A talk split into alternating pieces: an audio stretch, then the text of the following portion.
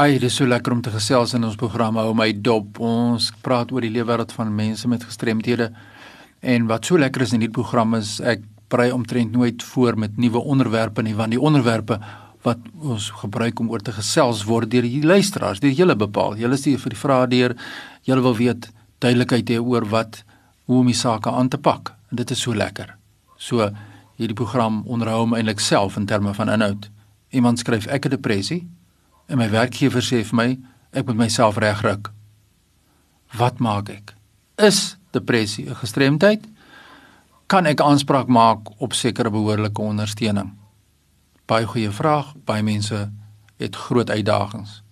So kom ons begin eers by die vraag: Is depressie 'n gestremdheid?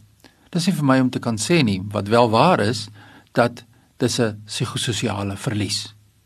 Nou, indien 'n persoon met dit gediagnoseer is, dan moet die persoon na die regte kundiges gaan wat miskien 'n sielkundige of 'n psigiater kan wees wat dan sal sertifiseer dat die vlak van hierdie verlies wat die persoon ervaar op 'n psigososiale vlak is dan die rede dat hierdie persoon dan 'n persoon met 'n psigososiale gestremdheid van depressie kan wees of is.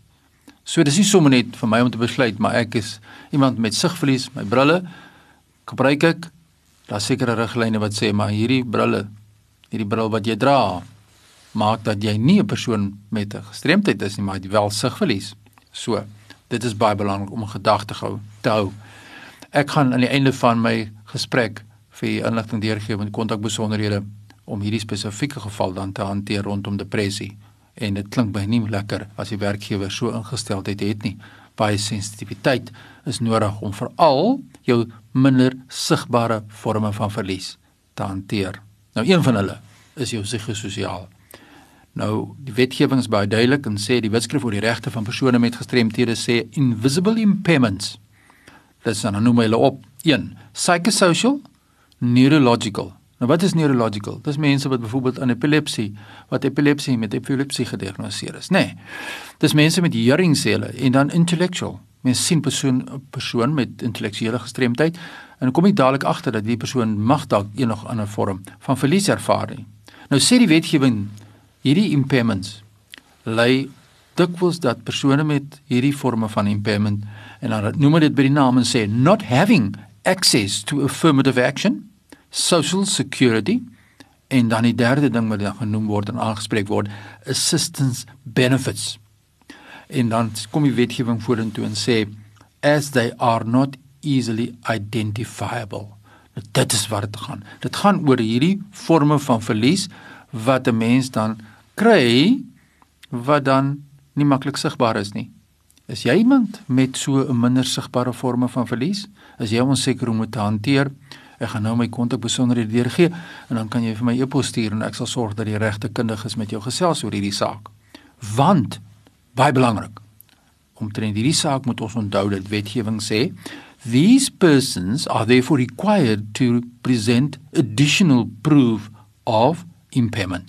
So as ek nou iemand het met gehoorverlies, hoe verduidelik ek dit vir my werkgewer? Wat is die vlak van my gehoorverlies? Is dit 'n gestremdheid? Is dit nou so vlak dat dit reeds kan mee help dat ek nie kan gelyke basis meeding met ander nie, maar my audioloog moet additional proof by komende bewys beskikbaar stel en sê ja inderdaad Fani se vlak van sy gehoorverlies is van so aard met daardie vlak van verlies kan hy tot 50% van die gesprek wat gevoer word oor 'n afstand heeltemal misloop. So jy moet sorg werkgewer asseblief as daar opleiding is dat Fani met sy gehoorverlies voor in die klas of voor in die opleidingslokaal sit sodat hy die lippe kan lees van die aanbieder.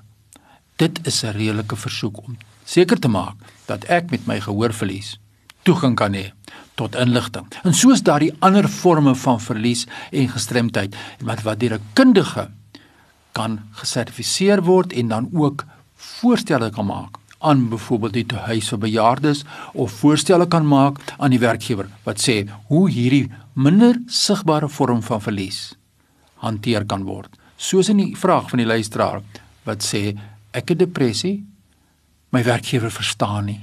My werkgewer is onsensitief.